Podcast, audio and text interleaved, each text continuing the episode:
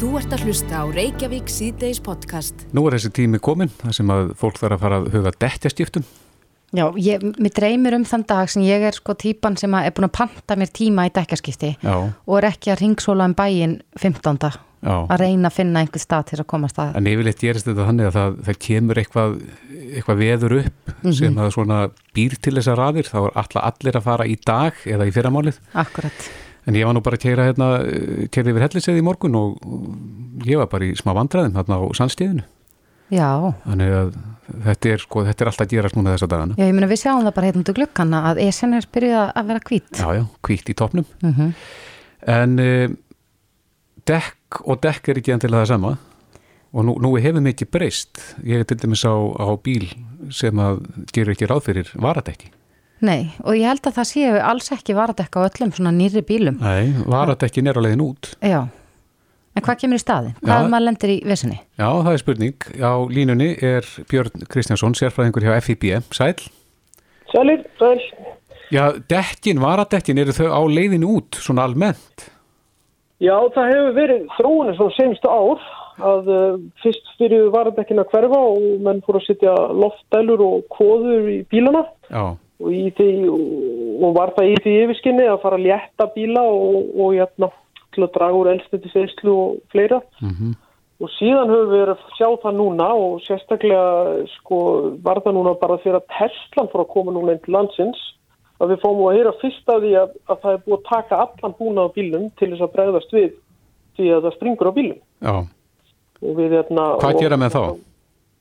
Já, hvað gera með þá? Það er þá bara að, að, hérna, að ringja í FIB og fá aðstóð eða, eða góðan frenda eða frængu. Já, eða, eða þessi koða eins og hún nefnir sem að, Já, það er, þú, sko, svo er hægt að kaupa þá í bílana, kaupa loftdælu eða, eða kvoðu mhm, og, og þetta er hérna, en það er ekki algilt að þetta virki því að gatið má þetta ekki vera of stórt, þannig að því að kvoðan fer inn í dekkið og þennst út og, og á að þannig að stoppa lekan þannig að hægt sé að komast á næsta dekkjavegstæði. Já, en, en er þetta, myndir þú segja að þetta væri á allra færi að, að já, laga svona? Getur hver sem er skellt sér í verkið að þar maður einhverja þjálfun eða reynslu af því? Sko í grunninn eiga allir að geta sko bjarga sér með því að ef þeir eru þar að segja með lofteln og kvóðun á staðnum að geta bjarga sér og það er yfirleitt ágæti sleitinningar í bílunum en uh, það er kannski ekki allir sem treysta sér í það og, og jötna, en uh, jú það ættu menn ætti að geta bjarga sér eða þeir, já bara leggja á staði þá vegferð sko. já. En uh, hvað með dekkin sjálf, eru þau ekkert að breytast? Uh, Menn er ennþá að sprengja dekk árið 2020? Er, er engin þróun í, í þessu ósprengjanleg dekk? Jú, það hafa, sko, dekkin eru orðin sterkari heldur en voru fyrir einhverjum árum síðan, en vissilega eru þau að springa og, jötna, og það kemur líka koma þar inn í hvernig ástand vega og þess að það er. Og við Íslendikar höfum auðvitað malavegi og, og svona kannski tölvört erðar aðstæður heldur en nákvæmlega löndin okkar, jötna, oft á tíðin. Mm En, uh, en það hafa verið, jú, tilhörinu með að gera loftlust dekk og, jötna, og hefur komið eitthvað svona á markaðin í þeim málum en aldrei náð yfir höndinni. Af hverju ekki? er, Hvað er það við dekkin sem að... nú veit ég ekki hvað það er sem að stöðva menn í því, hvort það sé að þau sé ekki að fjadra nægilega vel eða kostnaði við að búa það til. En það er uh, samt sem áður eitthvað að dekkjum í umferð sem að hægt sko ég gefa upp að það sé hægt að keira á þeim þrátt fyrir að þau verði loftlust og, og þau eru kannski hérna, algengra heldur við uh, gerum sko búumst við sko í umferðinu. En Björn, nú eru margir í þessum dekkja hugleðingum, það, það er að minna okkur á veturinn og margir sem að þurfa að endun í að dekkin og kaupa ný dekk í vetur. Hvað er í bóði og með hverju er mælt? Svona fyrir veturinn? Já, það, það sko eru þetta, markarinn er mjög stór og fjölbreyttur. Og þú getur farið allt frá mjög ódýrum dekkjum sem komum frá óþektum framlendum og upp í dýrari og, og fítni dekk sem að og þessi, þessi stóru framlegendur gefa oft út bara nýtt, nýtt munstur og er- hverju, hverjum vetri. Já, nú hefur verið mikil herrferð gegn nagladekkjum til dæmis. Já, já, já, og það er, jæna, það er í sjálfu sér uh, hefur verið í gangi og, og þá er þetta að fara akkur það í vetradekk og heilsástekk Uh, svo eru nagladekkin líka, hafa þau líka verið að þróast. Fyrir orðin hljóðlátari og, og, og nagladir orðin endinga betri. En uh, vissulega geta þau líka þeir valda meira sliti á göttunum Mm -hmm. en, hérna, en þetta er þetta er þetta bara hvað fólk vil eins og með hilsastekkin að þau uh, virka fínt við veturinn og, og ágætlega yfir sumatíman en uh, sumardekk yfir sumatíman gefa allra bestu raunina. Og svo, og svo nag- hérna, vetradekk yfir vetratíman En þú veist að vorum að ræða eins naglana. Eru að þínum að þetta komin dekk á markaðin sem eru já, ekki neld en, en skila sama árangri eða, eða Og öryggi. í, akstri? Já, þau hafa sko, það er við ákveðnar aðstæður, þá eru nagladekkin kannski ekkert að skila betri niðurstöðum heldur en góð vetradekk. En í ísingu og það sem að þarf að, bílinn þarf að hemla, það sem að það er klaki, að þá eru nagladekkin alltaf ofan á í öryggi. Já, En, en, en sko við aðstæðar sem við erum hérna á Íslandi eins og til dæmis þeir sem að aga aðalega í borginni og, og, og hérna bara í svona nágræni og, og í kjættili þar er, þar er tilfallandi að það myndist þær aðstæður að, að, að nagladekk sé eina sem að virka sko. en þeir sem að þurfa að fara yfir fjallvegi kannski að, að þeir geta réttlætt að meira að fara yfir naglana. Já, já, já, alveg vissulega og það er hérna og, og, og myndast oft uh, þannig aðstæður upp á heiðum að, að nagladri eru bara það eina sem að sko veita fullkona öryggi. En, uh, en hér á, móti þá er mitt geraði það að verku líka það er meiri, ekki meiri hávaði frá nöglunum og, og þeir geta stundum hérna hafa verið að uh, kannski gefa örlíti lengri bremsuvögling á blöytum albyggi heldur en, heldur en óneld dekk Já, en e, það hefur verið þróun í þessu, við hefum heyrt talað um harðkornadekk og loftbóludekk og uh, allstýnsdekkir, hvað er það nýjasta í þessu? Það er raunverulega, er sko bara búið að vera íblöndunin kannski í þessum dekkjum uh, og jæna, uh, menn hafa verið að prófa sig áfram með ímisindu sko skelljar og, og einhverja jæna, önnur efni sem er blandað út í gúmið.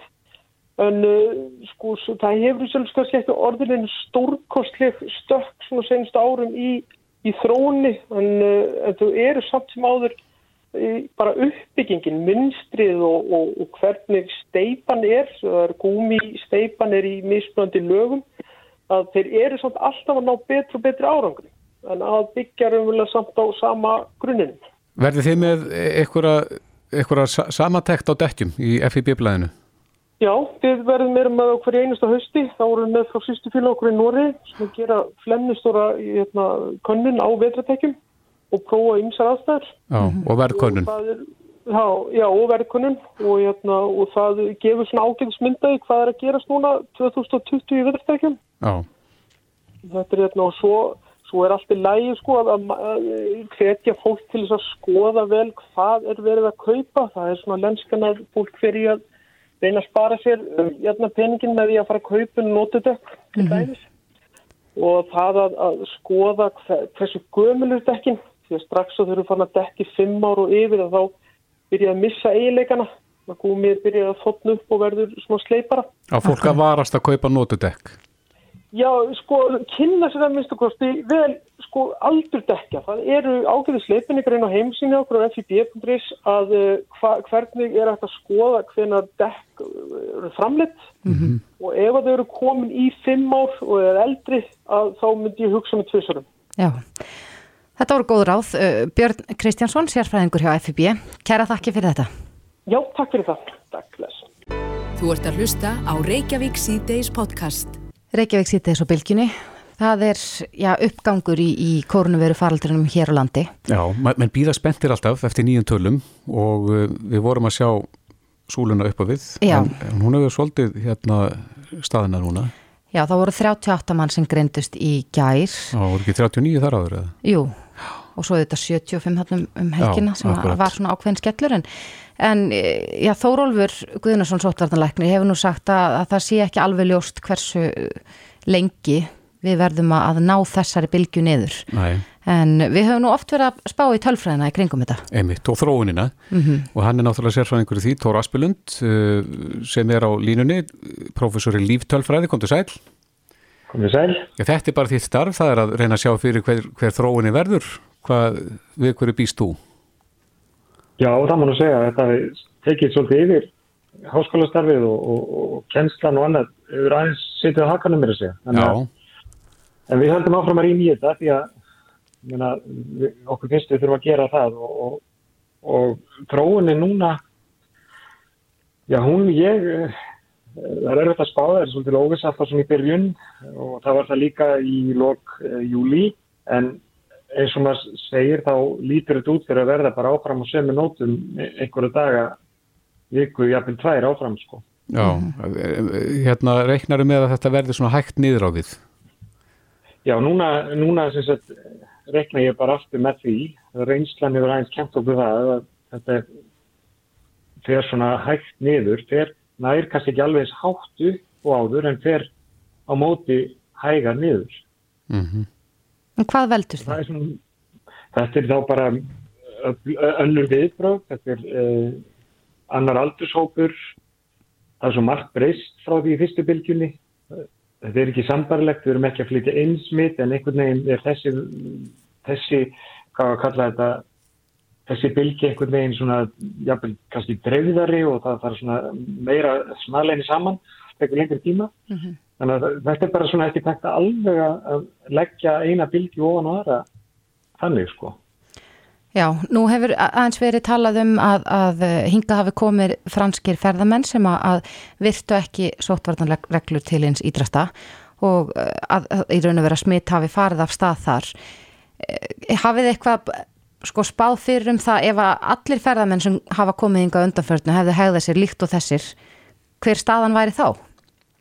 Já, það, við hefum alveg velkið fyrir okkur og, en það er kannski það getur verið tvíbent sko að í fyrstu bylginni þá komum við svona spár uh, til dæmis og frá Imperial College sem er, voru bara mjög góðar en þær voru til dæmis meiri ætti að sína hefði, hefði ekki náð stjórn.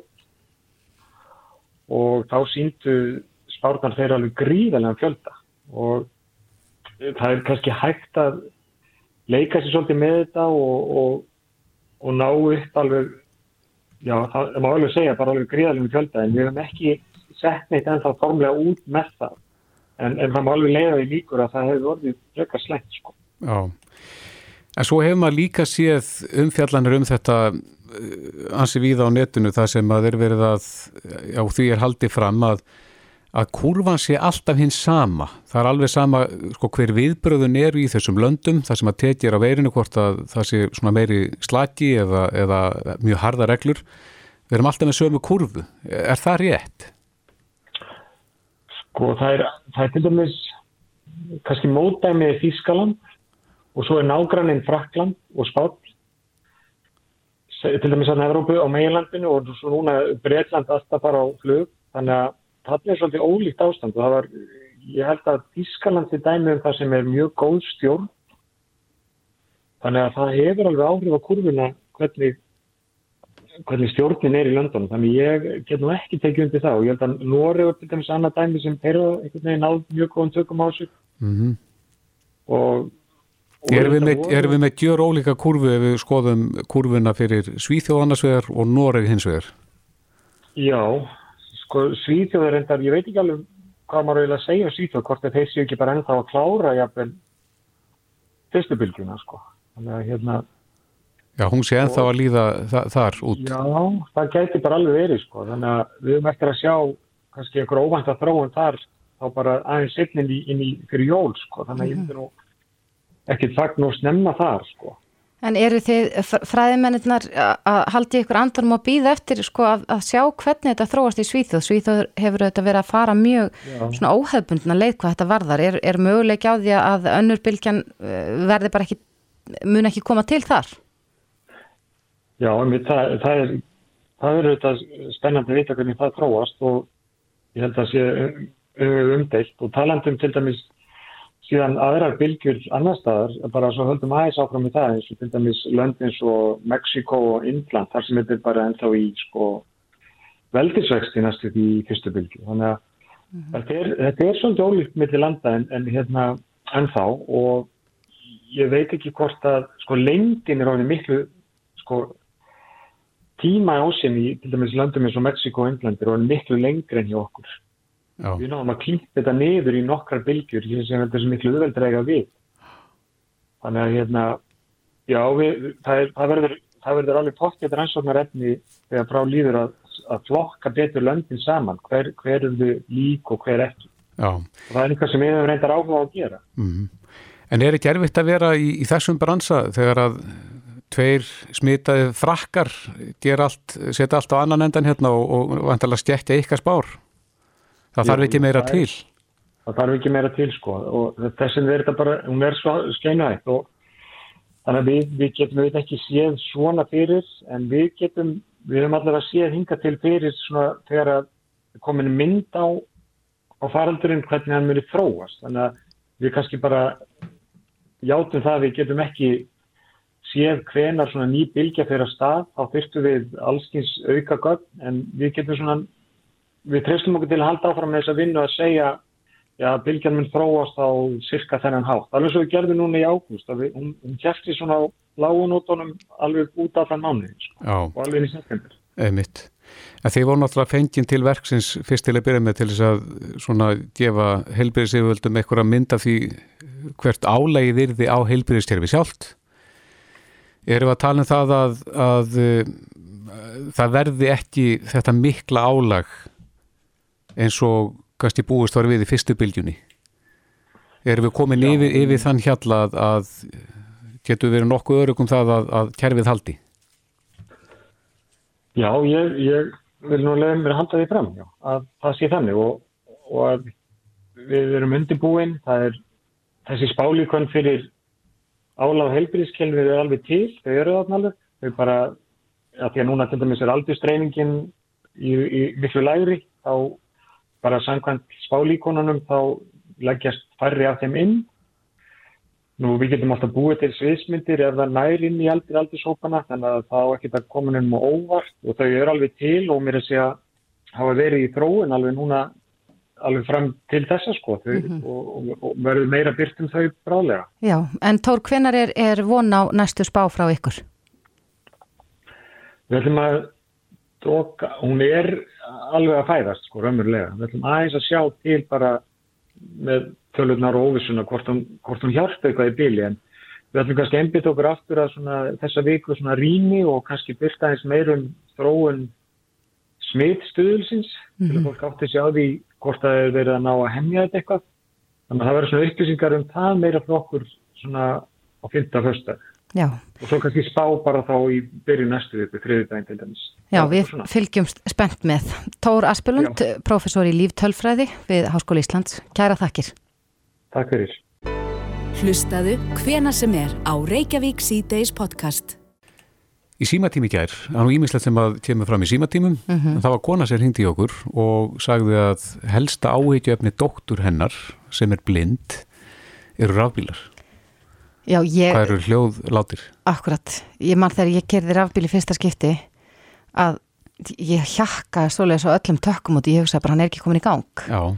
þannig að, að ég get alveg ímynda mér að, að fyrir þá sem eru sjóndabrið eða sjá ekki Já. að þetta sé þetta getur komið svona svolítið aftan að manni. Að Þetta er helsti kosturinn við það að fá sér rafbíl. Það er hvað þeir eru hérna hljóðlátir. Akkurat En e, það hefur nú verið umræðum það að þeir séu á hljóðlátir og, og fólk gangandi vegfærendur eigi stökustu vandrað með að, að vita svona aðvík hvernar þeir nálgast. Mm -hmm. En við veldum því upp hvort að þetta sé eitthvað í umræðunni að koma einhverjum auka hljóðum, einhverjum tilbúnum hljóðum inn í þessa bíla til þess að láta gangandi vegfærendu vita af. Akkurat, á línunni er Tómas Kristjánsson sem er formaður rafbílasambandsins. Komdu sæl Tómas. Já, sælveri. Þekkir þú þetta? Er, er þetta eitthvað í umræðinu að, að setja hljóð í bílana? Herðu, í umræðinu og rétturumlega það, það eru tíu ár síðan að bæði Bandaríkin og Japan innleitu reglu hjá sér til þess að bæta við búnaði í rafbíla sem að býr til hljóði ákveðin skiliri. Mm -hmm. eh, Evrópussambandið eh, bætti þessu við reglugerð hjá sér 2014 og fullkomnaði síðan reglugerðina 2017 og svo reglugjör var síðan innleitt inn í íslensku reglugjörina um gerðu búin að aukvöldtækja núna 2018 þannig að þetta er þetta er komið miklu lengra heldur en að einhver sé að spá í hlutina. Mm. Hvaða stílir eru það sem að sem að um er rætt? Herðu, Evrópska reglugjörðin segir að, að sagt, hljóðbúnaðurinn í bílum þarf að gefa frá sér hljóð frá 56 til 75 decibel upp að 20 km hraða bílsins. Já, það er svona þegar að fólk er á einhverju lulli. Já, og sagt, eftir það þá er bara gert ráð fyrir að vindhljóð og sagt, hljóð frá hérna, dekkin bílsins sé nóg til þess að gera gangandi vegfærandu viðvart. En eru menn eitthvað fannir að velta yfir sig hvernig hljóðið eigi að vera? Er þetta eitthvað samræmt hljóð eða? Sko, reglugerðin, efurska reglugerðin, það eru, það er texti í um einhver ákveðin oktiv sem að tóknin þarf að vera í. Þannig að þetta er eitthvað sem að, uh, þetta er greinlega eitthvað sem að þarf að heyrast vel í gegn um Eh, einhver sem þarf að skera sig út frá öðru hljóði sko. Akkurat, en, en ætli þetta sé þá velarhljóð eins og maður uh, var talað um það hérna í gæri símatímanum að þetta setja velarhljóð sem er kannski akkurat það sem maður vill ekki í rafbílum því það er engin ja, einlega vél Nei, þetta er sko mín reynsla á rafbílum hérna á Íslandi er að þetta er yfirleitt bara svona eins konar tóp mm -hmm. uh, þetta, er, þetta er ákveðin tegund af hljóði, þetta er ekki vélarhljóð en þetta er, þetta er sannlega eins og þetta er bara hannað að, að þá er þetta eitthvað sem að sker, sker sig frá öðrum hljóðum, öðrum mm -hmm. umhverfishljóðum. Er þetta komið í einhverja rafbíla? Ég held að ég geti með fullurvissu sagt að þetta sé í öllum rafbílum í dag.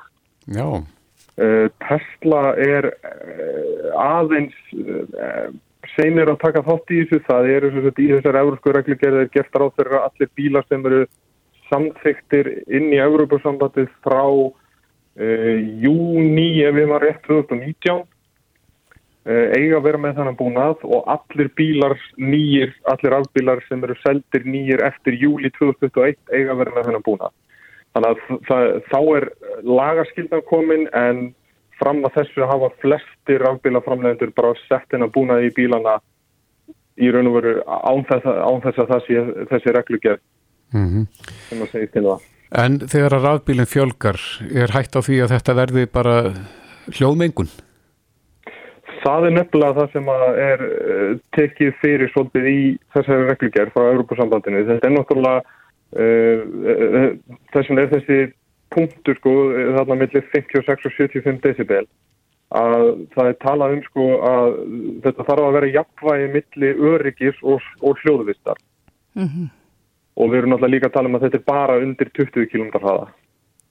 Já, mennur er snöggjar að komast yfir hann?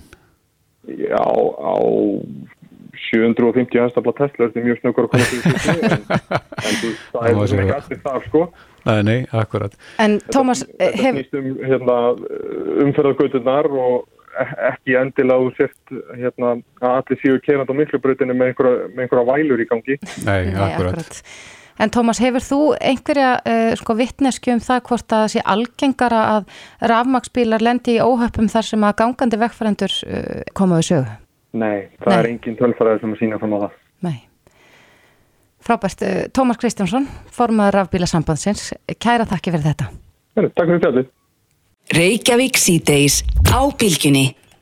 Við fáum fréttir á því að matarkarfan hafi hækka töluvert. Já. Og svona kannski meir en margir þorðu að, að vona. Já, þetta voru alveg þó nokkur uh, prósendustig. Já, en uh, ástandi náttúrulega kallar á þetta, krónan hefur veikst. Mm -hmm. En við fengum líka fyrir spurn þar sem vorum beðnum að, að velta þeirri spurningu upp, hvers vegna krónan er að veikjast meir en aðri gjaldmiðlar.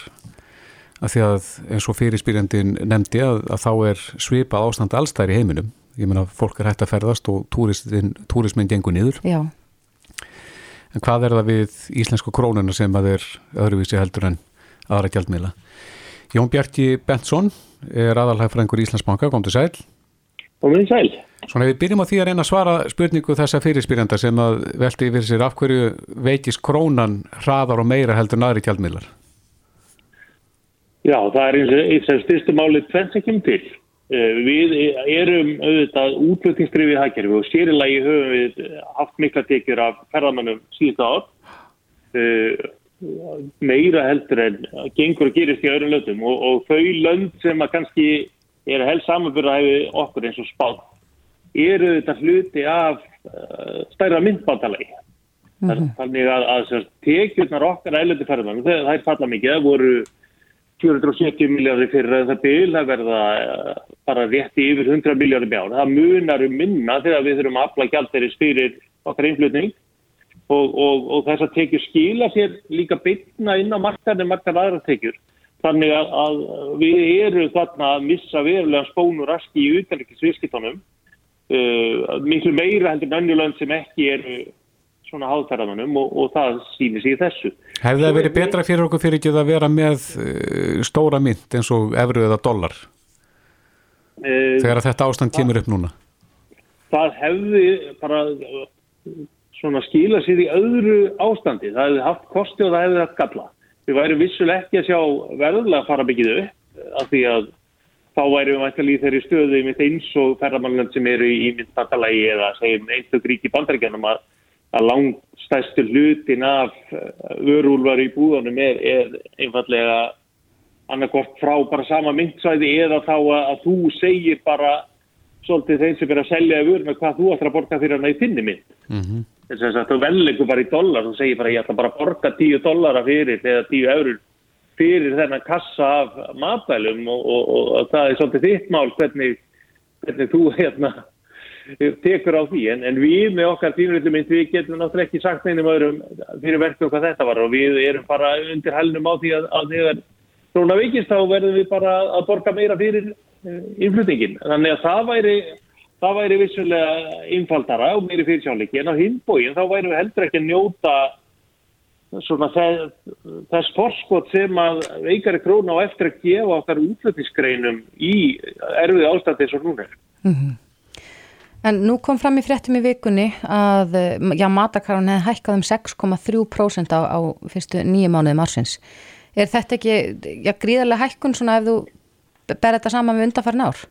Þetta er meiri hækkun en verið hefur og það er reyndar fengum við tölurverða hækkun líka 2018 á setjum hluta þess ást þegar við fengum líka svona nýtt í, í veikingu krónar eh, en kannski var, var það minna ábyrgandi þá vegna þess að annað verðla var svo hóflegt en, en vissulega við fengum svona lítið verður skott á. Og, og innfluttar vörur eru þetta stór hluti af matakörun okkar og, og þar að auki er sagt, bara kostnaverð vörunar svo stór hluti af smásöluverðin sem við erum að borga í, í mat og öðru klíku hérna það er minna sem að bætist á verðið bara í innlendu kostnæði.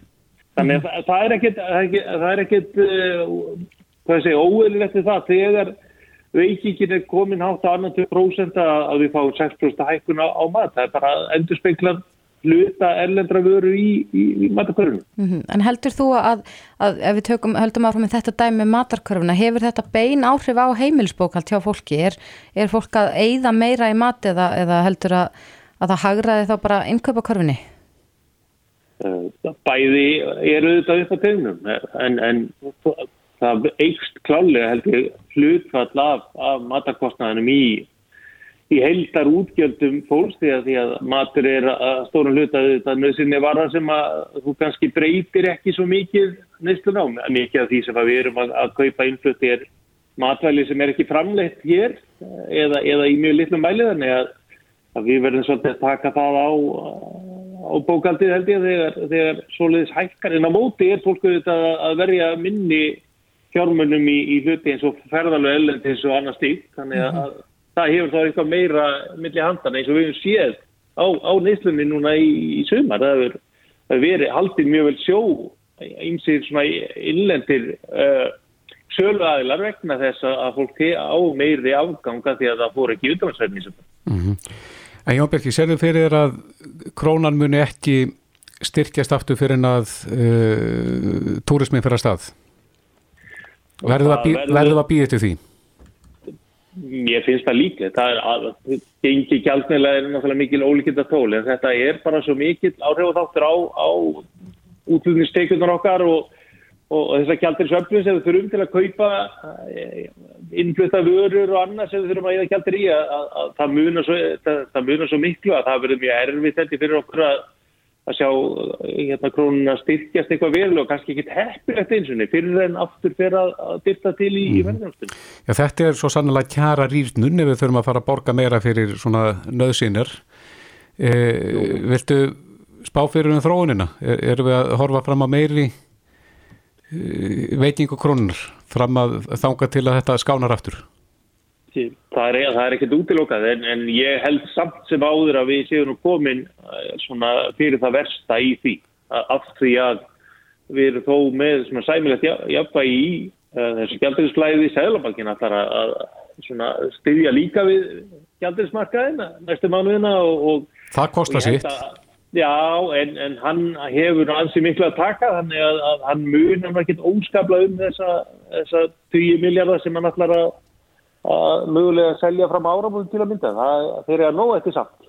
Þannig að ég held að svo lengi sem að við erum ekki með langvind frost í ferðarþjónustunni að landi fari að rýsa þar á næst ári þá verður þetta nú vonandi svona tímabundi skeið og verður komið í baksinu speili hjá okkur áður við vitum af. Það er á meðal muni þá vonandi verður á til dæmis síflutum mat aftur lækka fiskur til stað í stað. Já, gott að heyra. Já, við skulum vona það. En Jón Bjarki Bensson, aðalhagfræðingur Íslandsbanka, kæra þakki fyrir þetta. Takk fyrir mig. Reykjavík síðdeis á Bilginni podcast. Ómar Ragnarsson, vinnur okkar Ragnar Bjarnarsson, eða öllu heldur jarneskar leifar hans eru borna til gravar í dag. Og auðvitað er manni oft hugsað til margra samveru stunda með þessum öðlingi og, og þegar ég horfið til þín og, og spyr þið þá þarf ég nú ekki að þar er nú ekki vittnana við því það áttu langa samleið, hvernig lifir hann í minningunni? Alltaf betur og betur og ég sakna hans alltaf meira og meira.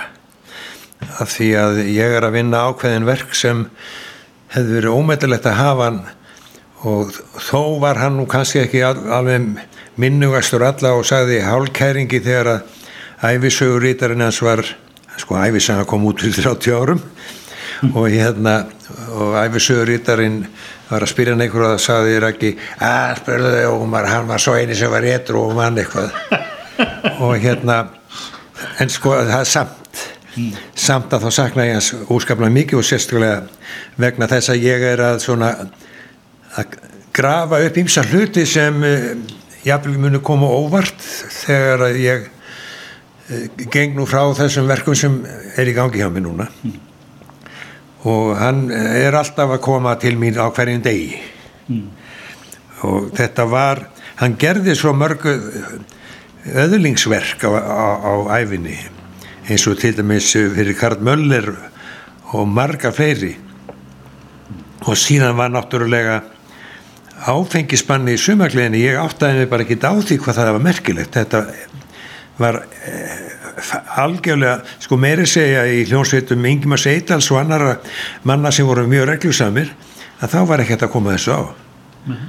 og um, það var bara tímamóta verk í íslenski tónlistasögu mm -hmm. vegna þess að við getum alveg sagt að, að um það hverfist það að það sé ekki lengur sko langt töffast að vera sem allra annarkort uppdópaðastur eða, eða, eða ölvaðastur eh, mest ofur ölvi við að flytja tónlist mm.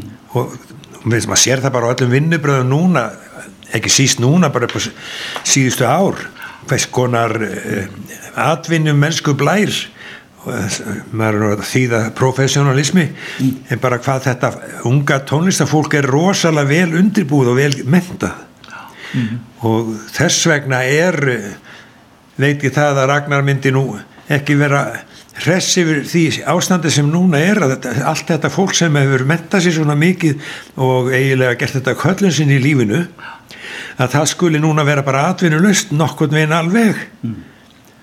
og bara örfáur á ferli og, og eins og Bubi er að segja í Vitali mm. það er fáhirt að ja, margt fólk verði görsanlega atvinnulust hugsanlega í tvö ár. Mm. og þess vegna menn mann líka hausa til að sannig að þetta var fyrir hans tíð. Á þeim tíma, þetta var alltaf eina tími. Hann lifði nefnilega eina tvær, þrjár aldir í tónlistabræsanum mm. og að því leitið var svo merkilegt að skildi bara vera til. Uh, Ómar, við, við sáum hann sko á velli uh, þá var hann þessum að, já, eldri borgararnir segja hann var slánalegur alltaf. Já, já, já. og með hangandi hendi og allt þetta gerði, var hann gert landsfrækt og allt það. En, en þegar þú berð saman svona hvernig maðurinn kom fyrir og hvernig hann var að innan þar að segja í, í, við kynni og, og, og, og langvarandi kynni e, passar það saman? Sko þetta hafa svolítið frá föðu sínum fadur hans sko Ragnar fylgir alveg í fótspor hins merka föður síns eh, Bjarnar Börðarssonar mm. sem dó langt um aldur fram stopnaði FIH stopnaði, var með stopnandi meðal stopnanda útvarsljósveitarinnar og, og þar með symfóníuljósveitarinnar mm. og uh, Ragnar saði sjálfur frá því við telum daginn sem ég hefði ekki átt að mig á að heimili var bara eins og svona uh, samkomustadur uh, ungra og upprinnandi söngvara sem að voru að, að fá ráð og að vinna með föður hans mm. en hann var líka svolítið með uh, þess, þessa takta svonarins mm. samanber þetta fræga þegar hann var í uh, symfóníu hljósenda stjórnandi ykkur nýr og það hefur verið að spila og þá ber hann í borðu séri það er hérna einhver staðar falsku tón, nótur slegnar ránganótur má ég heyra aftur? Jú, jú stopp, stopp, stopp, þetta er hérna, já. Vildi ekki eitthvað rétt upp hönd sem er með þessa raungunótu það gerir enginn, svo hann segir nú þá verðum við bara að finna þetta. Svo hann lætur bara þrengja ringin bara eins og Sherlock Holmes. Mm. og svo endanum að þá bara bera spöndina Bjarnabössinni Bjarnaböðarsinni mm. og þá er, segir sagan hann að við sagt ef það á að fara að spila eitthvað nöyi hérna þá er ég farin en aðtöðuðu það að þetta ádaldi mikið við um svonans mm vegna þess að þeir eru hlustar á það sem hann var að gera alveg fram í sí, síðustu mm. andatökin mm. að þá var metnaðurinn mm. alltaf á bakvið alveg sérstakur metnaður mikið metnaður og ef þú til dæmis heyrir millikamlarni hérna meira fjör sem hljómsveit Bjarnar Böðarsson spilar þá getur ekki ímyndaður þessi maður hafi nokkuð tíma sagt að hann myndi verið farin ef þetta spila eitthvað nöyð þetta er svo vel gert, svo hár fínt allt mjög flókið mm. en alveg rosalega flott mm. og þetta er bara svo heillandi þetta gerða svo heillandi vegna þess að hann hafði lag á því samt að taka ekki erfileikana á mikið inn á sig oh. er þið aldrei ánæður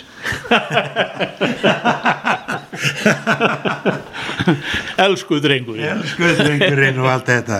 Þú hérna sagði bara upphafið þessa stölda samtalsokkur að hann sækir þið heima hverjum degi. Það, ég get alveg tekið undir það. Já, ég átti, ég átti að með engan veginn á því þegar hann fór að þetta myndi verða svona. En það er nú kannski líka vegna þess að ég er að ég er núna í eiginlega sko sérstaklega fasa sem ég er búin að taka mér sjálfur mm. og það er að vika öllu því frá sem hefur hindrað að ég kláraði stórverk það eru fimm bækur og hugsaðlega þrjár fjórar kvikmyndir. Ég byrjar á þessu öllu, búin að eða þetta gríðarlegum tíma, ég er búin að skrifa upp eftir þúsund blaðsíður og það verður allt ónýtt ef ég snýð tánum upp. Þannig að ég hef sérstaklega komin í þetta verk núna og hef þar alveg reynda að forðast allt daglegt áreiti eins og það, það þýðir ekkert annað, það er út af því sem að til dæmis ein bóki sem er byrjað að skrifa fyrir 30 árum hún skilur ekki vera koma lengra en ég er þó búin að skrifa 90 blassur og þess vegna er ég þessu en af því að ég er í að fara í gegnum allt þetta gamla núna pluss það að ég var til dæmis bara núna rétt á þann að klára nýjan sálm sem er mjög hérna sem ég bind mikla vonið við. Og ég er alltaf að gera ný lög. Ég held því en er að ég verður bara að byggja fólk afsökunar þó ég sé svolítið dímabundin þessa, þessa mánuði. Og nota COVID ástandi til þess að, að grafa í gamlu meðal annars og tengja sama gamalt og nýtt. Nýtt og gamalt verður að einhverju bland, einhverju blöndu og nýju og þá bara getur svona maður sem er búin að vera í kringum hann alveg frá því að maður var smá patti í stórhaldinu að þá er, er ekki útilokað en að, að hann sé hjá mann á hverjum degi Ómar Ragnarsson, takk að sinni Takk Reykjavík síðdeis á Bilginni podcast. Reykjavík síðdeis, hvað hefur við oft hefst þetta orð fordæmalösi tímar? Reyndar er, er með fannir að tala um það að þetta sé ekkert lengur fordæmalösi tíma vegna þess að við hefum upplifað svona tíma áður. Akkurat. Við hefum komin í, með smá reynslu. En þetta orð, eða þetta hugtak var nú ofnotað hérna í, Já, já. í fyrstu bylginni. Einmitt. En uh, ég veit ekki hversu mörg fordæmi eru fyrir því að, að sveitastjórnir myndi svona hálfgjör að, ég segi nú ekki þjóðstjórn, en svona samstjórn allra flokka. En það gerist á Akureyri. Já, þetta var tilkynnt hjá deginn í dag. Já, nú þekkjum við þetta hugtak þjóðstjórn þegar að það gerist eitthvað stórt í, í, hjá, þjóð, í hérna, hjá þjóðum þá taka öll sig saman og, og hérna mynda þjóðstjórn til að koma sér út úr ákveðinni krísu. En það er krísa fyrir norðan en á línunni er e, Birgir Guðmusson, e, stjórnmálafræðingur við Háskólanum á Akureyri, kom til sæl. Já, góðan og blessaðan daginn. Já, þjóðstjórn þekkjum við en, en hefur þetta gerst oft áður að, að sveitarfélög og stjórnmálaflokkar í sveitarfélögum takir sér saman og myndir svona samstjórn? Ég held að sko, það fer náttúrulega eftir sko hvað maður, hvað maður að hugsa um sko stór sveitafélag. Nú er það akkurir tilturlega stórt sveitafélag.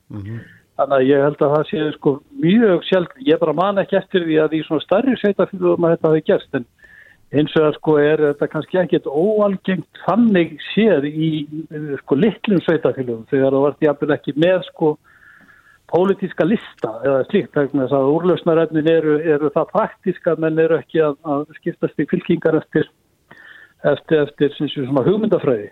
En, en þetta er í huga því að það er að tala um þjóðstjórn sko, ég held að ennska orðið yfir þetta er sko Grand Coalition sko. Það er svona samsteipa, stór samsteipa sko. Þannig að það má einlega alveg bara flokka þetta þó að þjó, orðið þjóð komi hérna inn í íslensku þýðingunni sko að þá er þetta náttúrulega svona stór samsteipu stjórn sko þarna fyrir norðanorði frá og með deginum í dag sko. Akkurat, en hvað gerist svo? Segjum að, að, að þetta gangi vel þetta samstarf og að, að bærin geti kannski einhver leiti já, minkað útgjöld og, og auki tekjur. Heldur þessi þjóðstjórn þá bara áfram að starfa saman?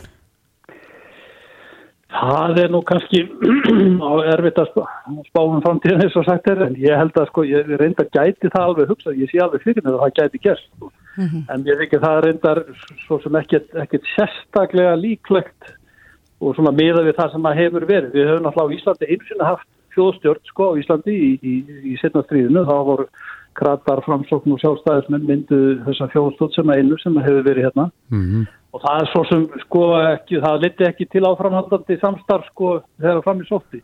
En yfirleitt er þetta tímabundið hérna mál sko þegar þetta er svona, þá er einhver stórverkefni framöndan menn þurfa að plæja sig í gegnum einhvern skap sem þið skilgrina eða einhverja hættu aðstegandur hættu og þá leggja menn svona önnur ágreiningsmál til hlýðar og, og, og sem sé leggjast á áratnar saman sko En þegar að menn eru þá komnir í gegnum þann skafla þá búið maður náttúrulega sko gömru ágrinningssetninu aftur upp og ég reikna með að það, að það muni gerast á, á akkurir líka. Sko. Já, hvernig hefur pólitíkin verið þarna fyrir norðan, Birgir? Hafa menn átt auðvelt með að vinna saman?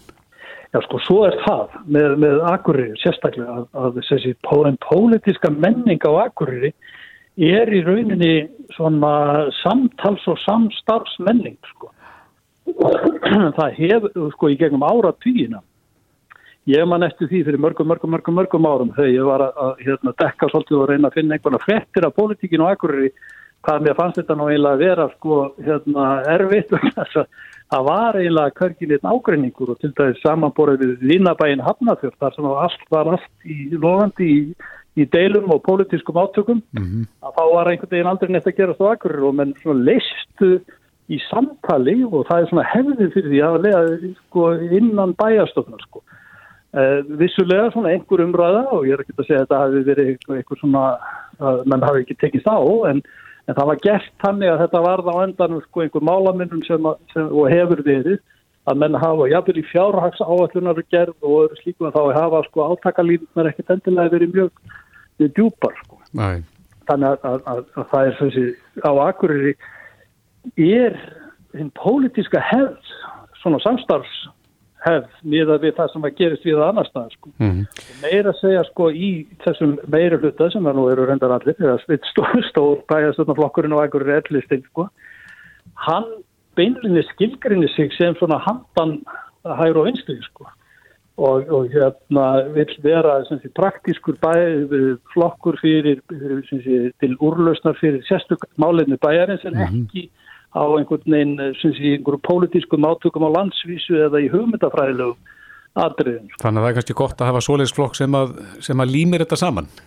Já, hann er svona allavega, hann slítur ekki sundur allavega. Nei. En sérðu fyrir þið byrgir að, að, að því að nú er bara all þjóðin í þessum spórum og það eru mörg sveitafjölu sem að standa höllum og völdum fótum út af ástandinu. Fyrir að þetta geti breytt úr sér, að þetta verði jafnvel ofan á annar staðar, að fólk var að vinna saman? Ég held að geti verið í einhverju smarri sveitafjölum, held ég að geti, mann geti hugsalega sko hvort sem það er þá þetta sem kveikir í því eða hvort að menn eru sem sé bara í praktísk sko, sem sé svona raunsæð verður oft ofan á því þegar að, að úrlausnarefnin eru bráð og, og, og hérna þá fara menn í það og vinda sér í það og setja ágræningsmónum til hér og ég held að það geti verið sérstaklega í þessum minni sveitafélögum sko eh, þar sem að hefðin er kannski ekki endilega þessi áttakahefð sem er svo oft í í svona sumum að þessum starri sveitafélagum og höfuborgarsvæðinu eitthvað slíkt sko mm -hmm. að, að, já. já, en út frá svona fræðilegu sjónurhortni hvort er, er farsætla í, eða þú veist, hvort gengur betur í, í svona pólitísku samstarfi þessi, eh, eins og við sjáum til dæmis bara hérna í borginni, að það er nú oft mikið um átök þar Já, já Sko, já, já, já, ég, maður stundu vildi maður að maður veit ekki að sagt sko einhver svona vola konkrétt ansett að það væri svona fræðin segðu þetta, en þau segja sko bæði þetta og hitt sko að það er blústur á mínus af þessu í sömu tilfellum eins og sem sé svona það sem að mann þurfa að einhenda sér í einhver starri mál og þá getur þetta gengið betur og mann sem sé leggja til hlýðar átökin. En hins vegar sko má maður ekki heldur tala niður átökin sko vegna þess að líðræðiskerfið byggir í rauninni á því að við séum sko með eitthvað aðhald og það séu ólík sjónandi sem komið stað og það er sem sé úrvinnslan úr því þegar ólík sjónandi takast á sem að gefur okkur kannski skinsamlega og góða niðurstuð sko og mm. hérna og þess að tala mennum það að stjórn og stjórnaranstæða það sé eiginlega ekkit sko ætti að aðtúa hversu líðræðislega fríki er eða, eða sveitastjórnu eitthvað að þá veldur við fyrir sko er einhver stjórnaranstæðar mm -hmm. það er kannski eitthvað sem að sem að er náttúrulega svona kannski tímabundið er lagt í hlýðar þegar þú ert með svona stóra eða þjóðstjórnar minnstur sko. Og það, er, og það þarf þá náttúrulega sko að, að, og ég meina það er það sem að menn kannski sjá aðtúavert eða hættulegt við eitthvað svona sko. Að menn bara svona róttið sér saman og, og, og hérna klóri hver örum á bækinu sko. Já, já, sögumið þrývast á átökum. Já, já, ég meina það er þrývast á átökum, ég meina sögumið Þannig að á Ítalju til dæmis á þetta síðust aldra áður við breyttu stjórnarskarna þá voru menna kvarti við því að þetta væri alltaf sama liði sem væri í stjórn sko og þess vegna hefði spillíkin orðið svona mikil vegna þess að það var engin álfuru hætta sem stæðið aðeins. Já, ekkert aðhald. Ekkert aðhald sko. Eh, Birgi Guðmundsson, dósend í stjórnmálafræði við Háskólan á Akureyri. Kæra þakki fyrir þetta. Sumulegis. Bless, bless. Bless, bless.